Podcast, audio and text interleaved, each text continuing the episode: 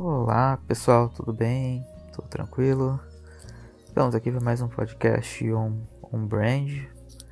Uh, hoje é o nosso episódio de resposta de perguntas, né? E enfim, estamos aí na expectativa para o começo da Copa do Mundo. Falei bastante de Copa do Mundo ali. E vamos lá que a gente tem algumas perguntas bem legais que chegaram aqui. Eu vou fazer isso aqui ao vivo. Vou escolher essas perguntas ao vivo aqui. Vamos lá. Como lida com os problemas do dia a dia da sua empresa? Então, enfim, pergunta que chegou aqui na, na caixinha. Vamos lá. Cara, eu não sei se eu lido da melhor maneira possível. Eu não sei se eu sou o melhor gestor do mundo. Provavelmente não. Uh, provavelmente tem gente que lida muito melhor com esses problemas do que eu lido. Mas, cara, no fim das contas é você. Eu acho que tudo, tudo de gestão, assim, tipo, é terceirizável, assim, até um ponto. Então, cara, o teu financeiro você consegue terceirizar. Hoje em dia eu não sei quanto que a minha empresa fatura. Eu não vejo relatório financeiro e eu tô tranquilo com isso. Eu confio completamente nas pessoas que fazem isso. Uh, comercial, você consegue é, terceirizar, você consegue terceirizar a gestão de pessoas. Todos esses pontos que eu já fiz eu não faço hoje mais. Mas a tomada de decisão é o que é mais importante de tudo, assim. É você tomar a decisão e não titubear quando acontece alguma coisa, você tentar resolver um problema, sabe? Então, eu li um livro uma vez que é o Código dos Criativos. Eu acho que esse é o nome do, do livro, não vou conseguir pegar ele aqui agora. E ele fala assim de uma matriz que você tem que ter para resolver os problemas, né? Então é você observar. Então antes de tudo, assim, antes de você sair fazendo as coisas, você olha, observa o problema, tenha calma nesse momento. O segundo momento é você tirar insights daquilo, então você tentar, com base nessa observação, você tentar orientar as pessoas na resolução desse problema. E a terceira parte dele é você diagnosticar isso. Então, você vai se observa, você orienta as pessoas com base na tua observação, então você e depois você diagnostica isso. E a segunda parte é a participação, que é você você agir em cima desse problema. Isso tudo rápido, sabe? Não é tipo, ah, eu vou fazer um em cada dia, não. Você tem que agir rápido. Então eu vejo que na, na gestão, assim, a, a principal, a principal coisa que tem que acontecer na gestão é você tomar essa decisão rápida assim e não titubear. Tomou a decisão errada, corrige rápido, sabe? Mas é melhor você tomar uma decisão errada do que não tomar nenhuma decisão. Então, eu sempre lidei com isso, eu nunca titubeei com nenhuma decisão, eu já errei muito. Já errei muito com, com um monte de coisa. E, cara, é do jogo, você vai aprendendo, na próxima você não erra, é tentar arrumar rápido. O erro, não, não que o erro seja tipo, ah, é, o erro seja normal, não. O erro é um erro, o erro não pode acontecer. É muito bonito ver a história, ah, você aprendeu com os seus erros lá, tipo, olha, eu quebrei sete vezes e agora a empresa está voando.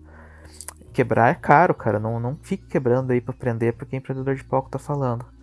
Mas, cara, se se errar também, tipo, foi, resolve ali, não erra pra próxima. E é isso aí, sabe? Tipo, eu sempre sou da opinião também que não dá pra você ficar chorando muito em cima das coisas que já foram, sabe? Você tem que considerar as coisas que você pode fazer, sabe? Você tem que. Você pode ter controle do que você pode fazer. O que você não tem mais controle, você vai ter que resolver é isso, sabe? Vai pra frente e, e cara, vai para cima que isso. Que isso sempre, sempre acontece. Vamos para a próxima pergunta. Vamos lá. Essa aqui é boa. Gerar valor para a marca é a mesma coisa que aumentar a percepção? Na verdade, não, são coisas diferentes, né? Gerar valor para a marca é você gerar conteúdo, você trazer os valores que vão agregar na tua marca, né? Então, tipo, é você ter uma construção de marca que seja mais agregada com alguns valores que você vai colocar ali. E a percepção é o alcance, né? Então, tipo, quantas mais pessoas vão perceber esses valores na tua marca, né? Então, um depende do outro, sabe? Você vai gerar cada vez mais valor para tua marca, mas precisa que as pessoas percebam ele. E para as pessoas perceberem o valor, o valor tem que existir, você tem que agregar ele, né? Então, é, você vai trabalhar com produção de conteúdo, com as ferramentas de mídia nos dois, mas são objetivos diferentes que tem que andar um alinhados ao outro. Você tem que gerar cada vez mais valor para tua marca, mas você precisa também que as pessoas percebam isso, né? O trabalho de, de branding como um todo, de marca, ele é um trabalho muito legal de ser feito, assim. E por mais que ele seja imensurável, tipo, com, com dados, assim, tipo, não é tão igual, tipo, o, inbound marketing, que você tem dados na tua mão. Mas você consegue medir o resultado dele por, por vários atributos. Só tem que ter calma em cima dele, né? E, cara, quanto mais pessoas tomar que estiver alcançando, quanto mais clientes você tiver, quanto mais pessoas perceberem os teus valores, isso vai, vai acontecendo. Então, por isso que você tem que fazer esse trabalho, agregar cada vez mais as coisas ter uma linha de comunicação definida, ter uma linha verbal definida, isso é muito importante. Tem que ter a tua identidade verbal definida, como que você vai responder, como que você vai conversar. Então, por exemplo, Escritório Criatividade é uma marca que eu, a identidade verbal dela, eu sempre, quando eu vou conversar lá, às vezes eu vou corrigir um texto ou outro, eu sempre tiro as exclamações. O Escritório de Criatividade não fala com exclamação. O Escritório de Criatividade fala seco direto. O Escritório de Criatividade fala de igual para igual com o consumidor. E assim, o escritório de criatividade não pede, por favor, para que você contrate a gente. Você contrata a gente se quiser, se não quiser, você não contrata, contrata outra agência. Então não é uma arrogância, é tipo, a gente sabe o patamar que a gente tá e é uma forma de posicionamento também, tem muito a ver com nossos arquétipos. Então, trabalha muito a geração de valor em cima da tua marca, trabalha tipo, o que, que eu quero da minha marca, o que, que a minha marca entrega além. Essa semana eu tava lendo, tava relendo o livro do Facundo Guerra, e ele fala que é, um dos, ele fala dos três fatores lá para uma, uma empresa se dar bem, que é o propósito, a política e puta cara, eu não vou lembrar o último. Eu não vou lembrar o último, tá anotado lá, eu anotei. Mas eu achei muito engraçado a, a política tá ali no meio, sabe? Tipo, todo ato de compra é um ato político. Eu não concordo muito que toda marca tem que se posicionar, eu acho que não.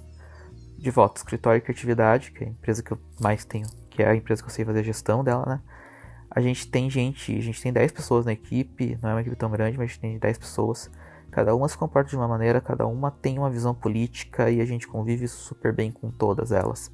Então eu não vou pegar a minha visão política e colocar essa é visão política da empresa, porque, cara, o escritório de atividade não sou eu. Não é só eu, não é a Tanilha, não é o Vandré, é todo mundo que está aqui, todos os colaboradores. E o escritório de atividade é, ele é toda essa construção. Então, tipo assim, eu não vou fazer uma eleição também para saber qual é a visão principal. Todo mundo tem direito de ter sua visão e a gente respeita ela e a gente não briga por isso, sabe?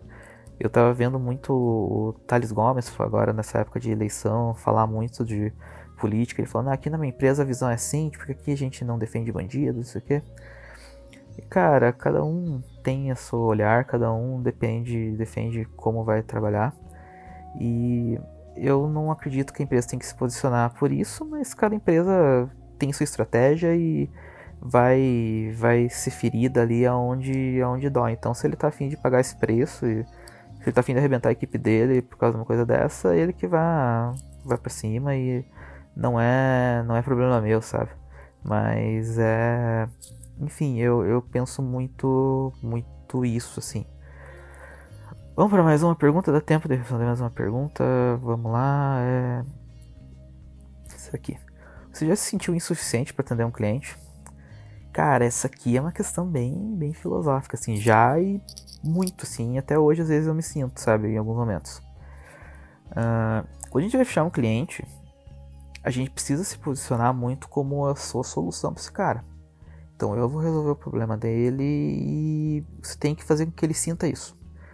Só que no decorrer do atendimento, às vezes você vai vendo ali que você não domina tanto as skills daquele cliente, você não vai entender, você se bate um pouquinho para entender como que ele trabalha e como que você consegue potencializar isso. E quando vai chegando os primeiros resultados, os primeiros feedbacks ali, às vezes você dá uma baqueada ali.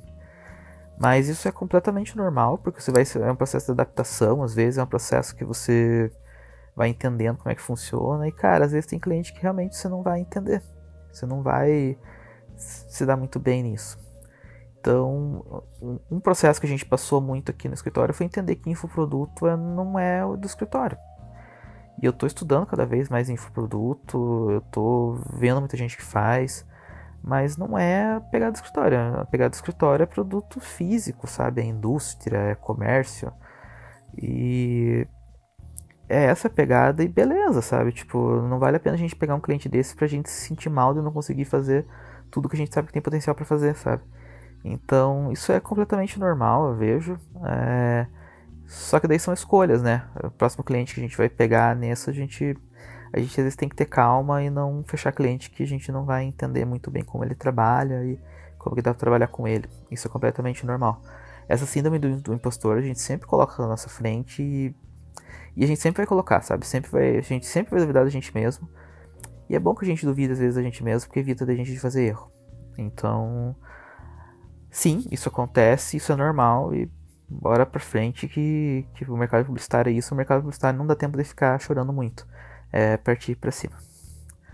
Beleza, pessoal, é isso aí. Respondi três perguntas aí.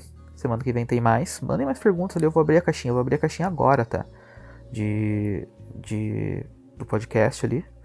E. pra chegar perguntas pra semana que vem. E vamos lá, terça-feira a gente tem mais um episódio aí. E. Enfim, bora lá que vai ser legal. Beleza, pessoal? Valeu, até mais.